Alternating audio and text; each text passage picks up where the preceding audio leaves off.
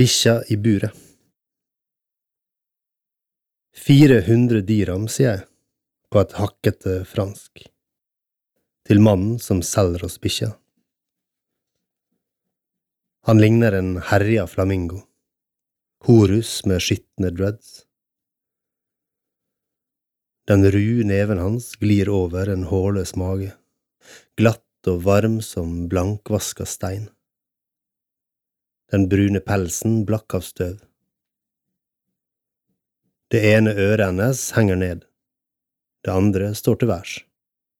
Hvite poter. Ballerinasko.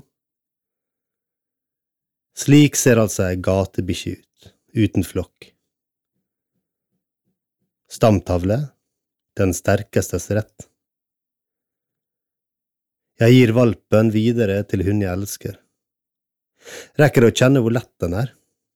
Nesten bare pels og øyne. Hun tar så forsiktig imot, som gjaldt det et ladd våpen. Løfter den mot munnen.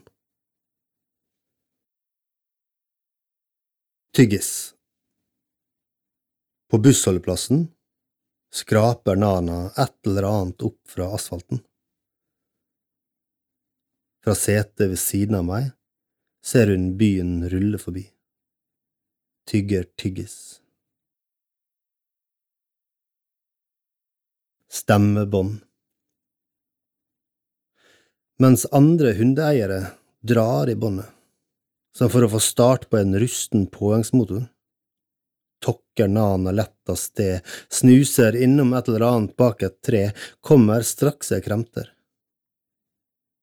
Lar meg vite at min forsiktige stemme er sterkere enn alle disse armene til sammen.